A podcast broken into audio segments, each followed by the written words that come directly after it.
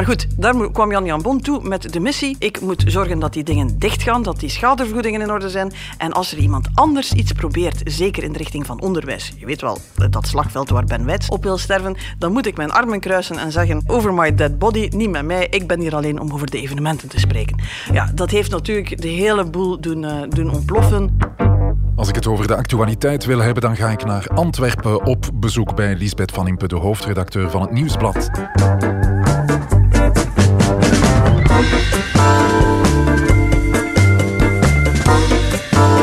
Ik zorg voor een goed glas Belgische wijn. Lisbeth voor een paar duidelijke punten. Dag Lisbeth. Dag Jeroen. Ik ben Jeroen Roppe. Dit is het punt van Van Impe.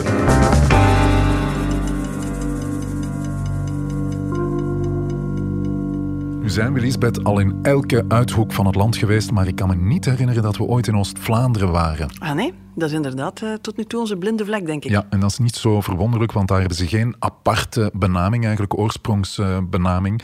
maar uh, ze maken er wel verdomd goede Vlaamse mousserende kwaliteitswijn, Lisbeth. Deze komt uit Sint-Lievens-Essen. Dat is een deelgemeente van Herzelen. Ja, en als daar is mijn, de familie van mijn vader is vandaan. Ah, Jij blijft gewoon in de familiesfeer hangen. Ja, niet zo ver van uh, Aalst, hè, in de richting Vlaamse Ardennen. En daar woont ene Mark van den Driessen, vroeger vrachtwagenchauffeur, nu wijnbouwer. En hij maakt uh, alleen mousserende wijn onder de naam Driessen. Op basis van uh, champagne-druiven, dus uh, zowel Pinot Noir, Pinot Meunier als Chardonnay. School Kan alleen maar lekker zijn. Waar hebben we het over deze week? Ja, ik wou zeggen niet over corona, maar we gaan toch eens over corona moeten hebben opnieuw. Uh, het hallucinante overlegcomité gaan we het over hebben en de fallout daarvan, want er zijn wel wat brokken gemaakt. We gaan het toch ook eens hebben over ja, de discussie waar iedereen mee bezig is. De kinderen, de mondmaskers uh, en de coronacrisis. En op het einde, ja, slecht nieuws over Poverello, daar gaan we ook... Uh, even dieper op in. Het punt van Van Impe, de Actua-podcast van het Nieuwsblad. Je vindt hem elke donderdag op nieuwsblad.be en op de bekende podcastplatformen. We beginnen eraan.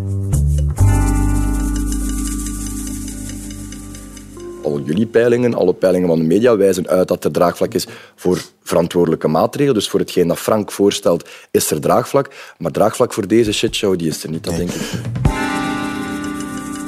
Je hoorde Conor Rousseau, de voorzitter van Vooruit. Hij had het over een shitshow en bedoelde het overlegcomité van vorige week. Dat is uh, die vergadering met uh, alle regeringen van ons land die samen beslissen over de coronamaatregelen. Maar het schijnt, Lisbeth, vlogen ze elkaar in de haren. Hè? Absoluut. Het is, uh, shitshow is een, een, een, vrij kernachtig juiste uitdrukking voor wat er gebeurd is. er zijn decibelmeters gesneuveld. mensen hebben naar elkaar staan roepen. van den Broeke tegen Jan Bon. Geolet tegen Jan Bon. Geolet, dat is de minister-president van de Franse gemeenschap. Ja, die heeft blijkbaar ook Erika Vliegen geattaqueerd, dat geen naam heeft. Um, ze zijn ook buiten gekomen zonder eigenlijk die plooien dan ook weer gladgestreken te hebben. We hebben dat dus ook live op de persconferentie gezien, dat, dat ongelooflijk schadelijk beeld van Alexander de Croo, die uh, Frank van den Broeke een standje geef, geeft, nadat die publiek ja, want, uh, gezegd van heeft... Van nam eigenlijk afstand van het ja, uh, compromis. Die zei van, ik ben ontgoocheld, het had meer moeten zijn, ook allemaal du jamais vu. Je kan dan gaan kijken van wie heeft hier nu gewonnen, wie heeft hier verloren, noem maar op. Ik zat er naar te kijken en ik dacht, dit is, dit is een, een trainwreck, dit is, dit is een, een, een, een ramp gewoon. Hier komt echt niemand goed uit. Niet degene die het standje geeft, niet degene die het standje... Um, krijgt niet Jan Jan Bon, die dan compleet toondoof een beetje begint te lachen over het feit dat we die laatste week voor de kerstvakantie toch alleen maar verhaaltjes voorlezen op school en alle ja. leerkrachten kwaad maakt.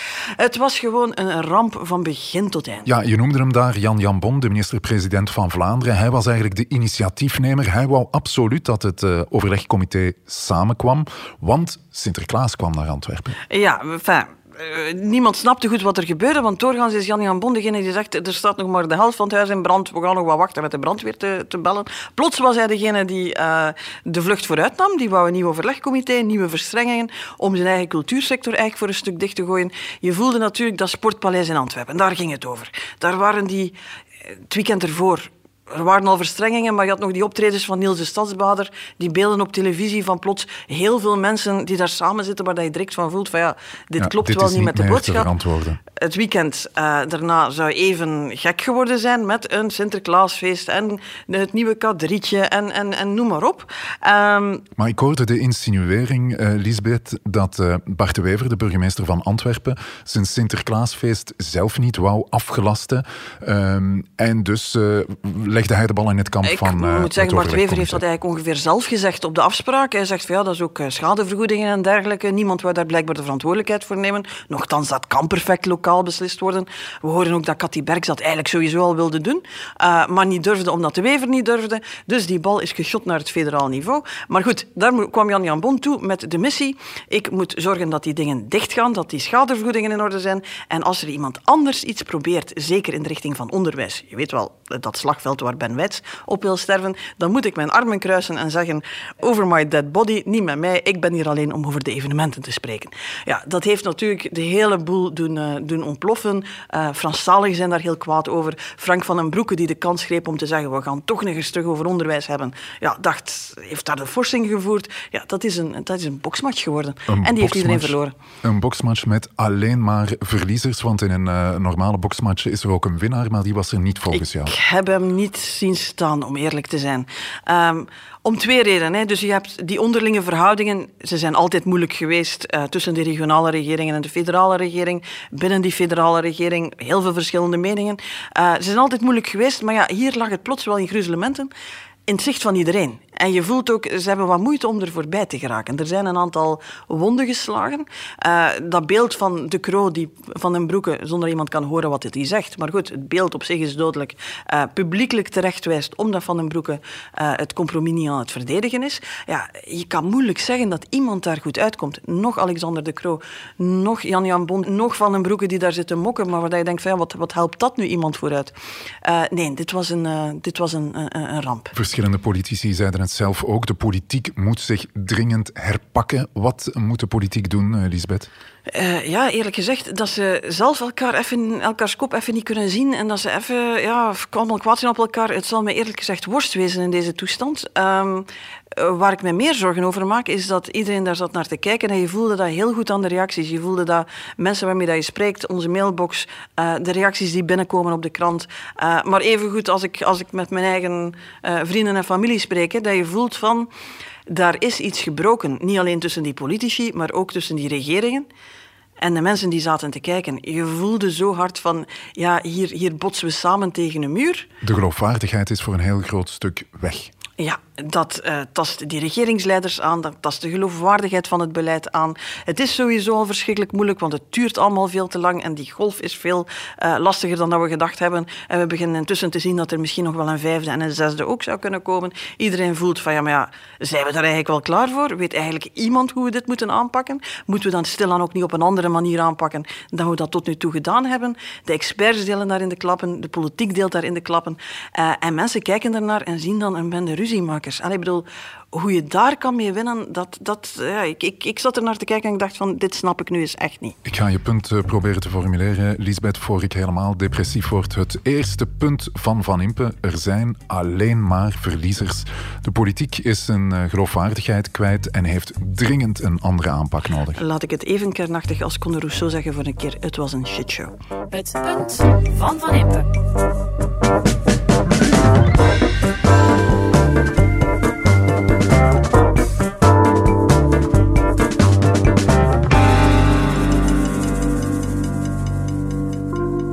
Op dit moment uh, zeggen wij vooral nu in dialoog gaan om Ja. te voorkomen dat we kinderen naar huis moeten sturen. Maar op het einde van de rit ja, denk ik dat directeurs en besturen niet anders kunnen Dan? die kinderen naar huis sturen. En, en dat is zeer vervelend, want ja, dit is precies wat we willen voorkomen. We willen de scholen open houden. We willen aan iedereen onderwijs kunnen geven. En in deze moeilijke situatie ja, kan het niet anders dan als we extra veiligheidsmaatregelen Ja, dus- nemen. En het mondmasker is daar één van. Kinderen vanaf zes jaar moeten een mondmasker dragen in de klas. Lieven Boeven hoorde je, directeur-generaal van het katholiek onderwijs in ons land. Hij legt uit dat dat nu eenmaal moet, maar daar hebben heel veel ouders het moeilijk mee, Elisabeth. Ik zie petities passeren, ouders die oproepen om hun kinderen zuurstof te geven. Dit is een maatregel waar veel ouders kwaad om zijn. Heb jij daar eh, begrip voor? Uh, ja, want je ziet ook dat het is heel breed gedragen. Je hebt, het zit voor een stuk bij een aantal antivaxers. En dat zijn dan de mensen die zeggen van... ik haal mijn kinderen van school, ik ga thuisonderwijs doen... alsof ze daar dan veel beter van worden. Of ik stuur ze met een geperforeerd mondmasker... want anders gaan ze niet genoeg zuurstof krijgen. Ja, dat, dat, zijn natuurlijk de, de, de, dat klopt natuurlijk niet. Maar ik zie wel dat het veel breder gedragen zijn... dat toch zeker ouders van jonge kinderen... zo de eerste, tweede leerjaar... die in die fase zitten van leren schrijven, leren, uh, leren, leren, leren rekenen, noem maar op. Waar dat je voelt van ja, die, die mimiek, die connectie die ze maken met elkaar, met een leerkracht, dat is nog heel belangrijk. Dat daar toch wel bezorgdheid zit. Dat er veel mensen zijn die zeggen van ja, dit is toch wel, dit is een lastige. Ja, maar wat uh, was het alternatief, Lisbeth? De scholen sluiten, dat was toch absoluut geen optie. Daar waren we het toch over eens? Ik denk dat daar de juiste afweging gemaakt is. Het is als het kiezen is tussen die twee, is het eigenlijk zelfs geen competitie. Ik bedoel, de scholen open houden is, uh, denk ik, voor iedereen het beste. Voor de kinderen, voor de ouders, voor gewoon de organisatie van alles uh, wat daar, daar, daarmee Maar zoals met alles waar je experts op loslaat tegenwoordig, zijn daar ook verschillende meningen. Uh, de kinderrechtencommissaris zegt geen goede zaak. Peter Adriaansens heeft dan gezegd van... Jongens, dit is echt veel minder erg dan jullie denken. Dit, dit, er zijn ook al landen waar het al een hele tijd zo is. Waar we nu ook niet zien dat dat gigantische schade geeft. Dus Iedere expert zijn eigen mening natuurlijk. Uh, ik denk wel dat iedereen het erover eens is. En dat, dat, dat is wel belangrijk dat uh, dit best zo kort mogelijk duurt. Ik bedoel, uh, ze hebben het nu ingevoerd om die scholen open te houden. Laat het krijgt... de eerste maatregel zijn die we laten vallen. Ja, je krijgt straks die langere kerstvakantie die misschien ervoor zorgt dat er een, een rustperiode periode is. Als het enigszins kan, probeer dan daarachter ze weg te laten. En zet ook in op een aantal structurele dingen zoals die ventilatie. Ja, Lisbeth, hadden we verder gestaan met ventilatie in de klasse was dit dan niet nodig geweest? Dat zou je kunnen zeggen. En dat is het verwijt dat Ben Wijts als minister van Onderwijs nogal vaak krijgt. Uh, ja, ja, anderhalf jaar zeggen ik doe alles om de scholen open te houden. Maar de heel concrete maatregel van in, op die ventilatie inzetten. En misschien zelfs op luchtfilters en dergelijke meer. Dat begint eigenlijk nu pas goed te bewegen. Dus daar kan je toch wel zeggen dat we misschien toch wel wat tijd verloren hebben. Je zei het zelf, uh, sommige ouders die zijn echt kwaad. Er zijn er uh, die hun kinderen dan maar zelf thuis lesgeven. Er zijn er die de mondmaskers perforeren. Mensen worden opstandig, hè? zeker nu kinderen de slachtoffers worden van de coronamaatregelen. Ja, en moet, daar moet je wel toch een beetje opletten, denk ik. Want het, het, het slimste wat ik las van een expert was van... Uh, laat kinderen toch vooral kinderen zijn en zet ze niet in om de politieke, ideologische, soms zeer emotionele strijd van de ouders te voeren. Uh, projecteer je eigen schrik en zo niet op die kinderen. Uh, stuur die naar school. als ze het moeilijk hebben met dat mondmasker, probeer daar empathie voor op te brengen. Probeer te kijken hoe dat gaat. Maar zet je daar op niveau van die kinderen. Ja, maak van, van de kinderen zo niet de kindsoldaten van de corona. Hè. Als ik naar de betoging keek in Brussel... Ja, ik herinner mij die foto uit de betoging uh, tegen de coronamaatregelen van uh, een vader met een kind op de schouders, oog in oog met de ordentroepen. Eerlijk gezegd, op een betoging die de keer ervoor al uit de hand gelopen is, waar, nu, ja, waar je al ziet dat het minder volk, hardere kern... Uh, je hoort daar blijkbaar vanuit de betoging van laat onze kinderen voorop, laat ze de, bijna als een schild vooruit sturen. Dan denk ik, jongens, maak mij niet wijs dat je dit doet uit belang voor het kind. Hier ben je je eigen strijd aan het voeren met de kinderen als wapen. En dat lijkt me wel niet slim. Denk erover wat je wil. Laat ons allemaal samen ervoor pleiten en duimen dat die mondmaskers ook snel weer weg kunnen. Uh, wees mild in de toepassing, maar laat die kinderen vooral kinderen zijn. Ik denk dat we een tweede punt hebben, uh, Lisbeth. Goed dat ze de scholen hebben kunnen openhouden. Jammer dat daar een mondmaskerplicht voor nodig is, maar dat is nu ook geen wereldramp en zet kinderen niet in in de strijd. Ja, ik begrijp de emotionaliteit van ouders. Ik snap dat ze daar bezorgd over zijn. Laat ons dit zo kort mogelijk houden, maar wel de dingen een beetje uit elkaar halen. Het punt van Van Impe.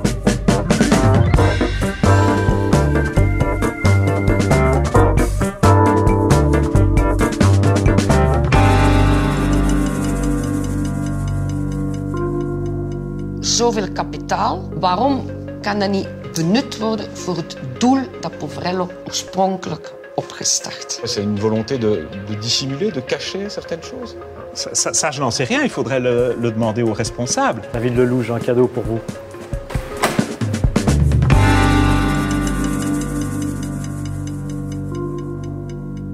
Poverello is een VZW die arme mensen helpt in onthaalhuizen overal in ons land. Vooral in de jaren 80 kreeg eh, Poverello heel veel aandacht en heel veel lof.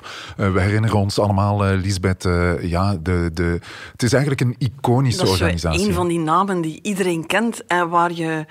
Ja, die geven maaltijden, die geven uh, noodopvang voor daklozen. Uh, ja, dat is zoiets waar je van denkt van, god, uh, die doen goed werk. Dat is zo de connotatie die ik erbij heb. Dat is Ja. een van die iconische namen in, het, uh, in, in de Vlaamse hulpverlening. Goed werk waar veel mensen veel geld voor over hebben. Heel veel uh, schenkers, veel donateurs voor uh, Ja, Poverello. verwondert mij echt niet. Dat Inderdaad. is, Blijkt nu dat Poverello met al dat geld een vastgoedimperium heeft opgebouwd ter waarde van 50 miljoen euro.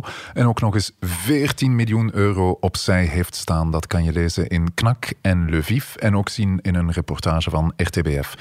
Lisbeth, wat was het eerste wat jij dacht toen je dit las? Niet nog één. Niet nog zo een van die organisaties waarvan je altijd zou hopen dat er nog meer mensen dat steunen, dat die nog meer uh, middelen krijgen om te doen wat moet en wat eigenlijk bijna niemand wil doen. Waar de staat ook vaak uh, steken laat vallen. Je weet hoe nodig dat, dat is. Als je door de steden uh, wandelt, dan zie je de daklozen. Het is zo belangrijk dat daar organisaties zijn die zich dat echt aantrekken. Dus mijn eerste reactie was niet nog één waarin dat je wilt geloven en waar dat je dan hoort dat het eigenlijk ja, mogelijk gewoon niet klopt. Ja, dat het... voor alle duidelijkheid, Lisbeth, veel geld hebben, dat is niet illegaal. Maar als een arme organisatie veel geld heeft, dan kan je je wel vragen ja, stellen. Heel veel mensen schenken blijven ook, blijkbaar ook stukken van erfenissen eraan toe. Ik ga ervan uit dat die mensen dat doen, omdat ze ervan uitgaan dat dat geld terechtkomt bij die daklozen, bij die mensen die dat echt nodig hebben. Poverello zegt, we hebben altijd het principe ge gehuldigd dat we niks gratis doen. En dan eh, klinkt dat heel sympathiek. Je betaalt een symbolische euro voor een maaltijd.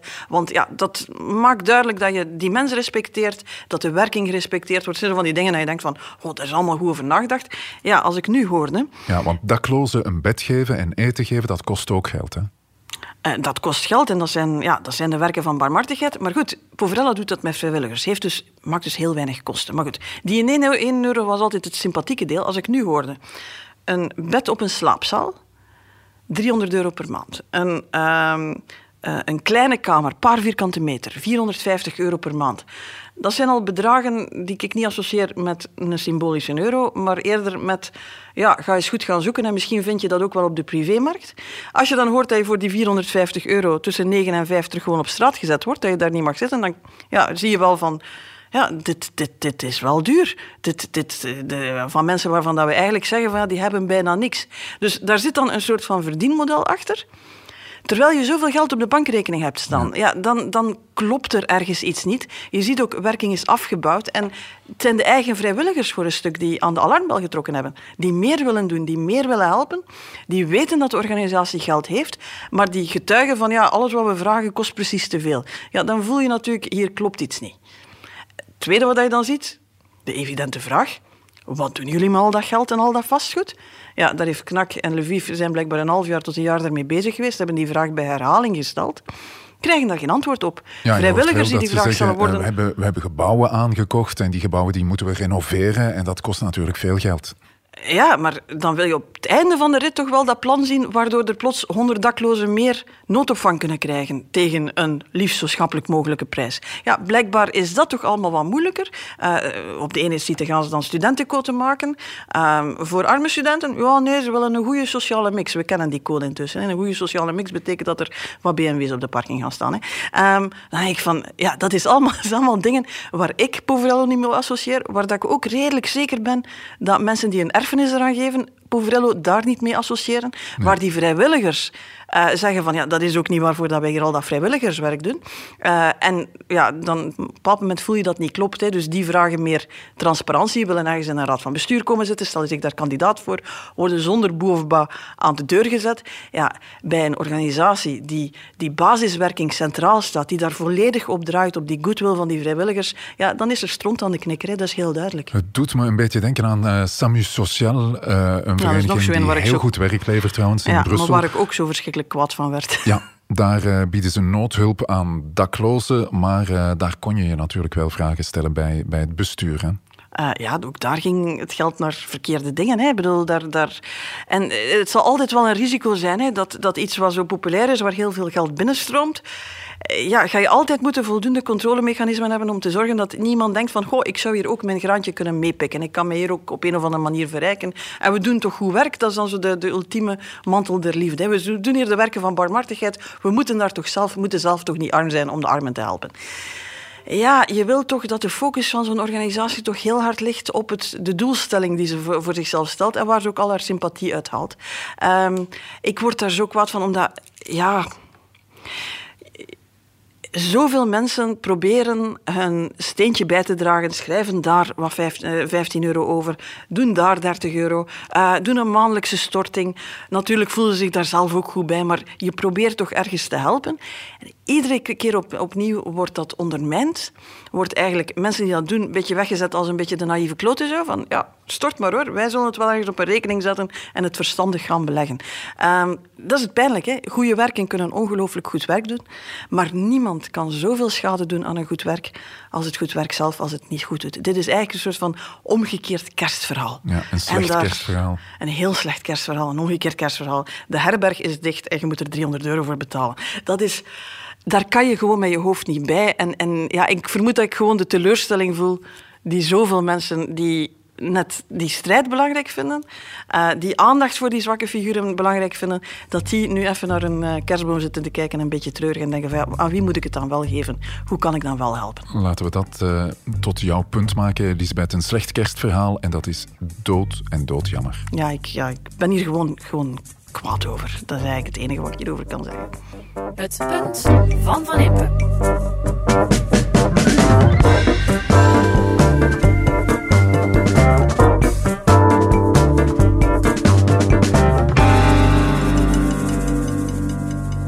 Ik heb nog een toffe podcast eh, gehoord, Lisbeth, om eh, met een vrolijke noot te eindigen. Eh, toen ik naar hier kwam, heb ik geluisterd naar Vink. Ja, ja. Vink, dat is de podcastgids van de NPO in Nederland. En daar eh, fileerden ze het punt van Van Impe. Het is mij ook doorgestuurd. En ik moet zeggen, ik was blij om te horen dat ze eigenlijk wel eh, het blijkbaar met plezier geluisterd hebben. Ze trappen elke aflevering af met een lekkere wijn. Dat vind Of ik, bier. Soms doen ze bier, soms Ja. doen ze wijn. maar dat vind ik zo heerlijk Vlaams. Dat eh, in een, bij elke Nederlandstalige ehm, podcast of radioprogramma worden bekertjes, papieren bekertjes met koffie gedronken. Maar hier, Ja, hier ook hoor. Heel interessant, zeggen ze. Ze zijn eh, duidelijk eh, tevreden, vooral over onze Bourgondische aanpak. Want eh, in Nederland, daar drinken ze alleen maar slechte koffie uit plastic bekertjes. Ja, ja ik, had een beetje medelijden. Maar ik zie, je hebt een extra fles meegebracht en we gaan ze er eentje sturen. Hè, want al ja, ik vind dat we moeten, we moeten dat gewoon de goede praktijken van deze podcast een beetje verspreiden naar de rest. Dus we gaan een goede fles Belgische wijn sturen. We sturen een goede fles Belgische wijn naar Hilversum. En ondertussen drinken wij onze Driese uit, de mousserende Oost-Vlaamse wijn.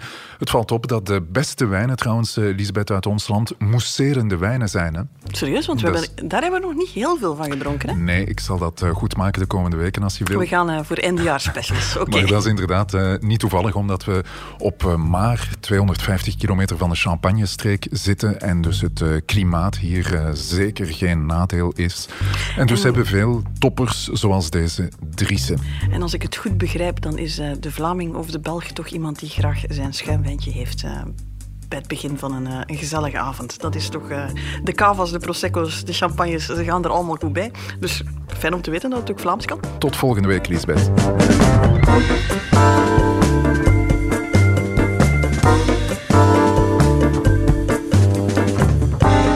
Dit was het Punt van Van Impe, een podcast van het Nieuwsblad. Je hoorde de stemmen van hoofdredacteur Lisbeth Van Impe en van mezelf, Jeroen Roppe. Dank aan de VRT voor de audio, aan Pieter Schevers voor de muziek en aan Pieter Santens van House of Media voor de montage. De productie was in handen van Bert Heijvaart. Tot het volgende Punt van Van Impe.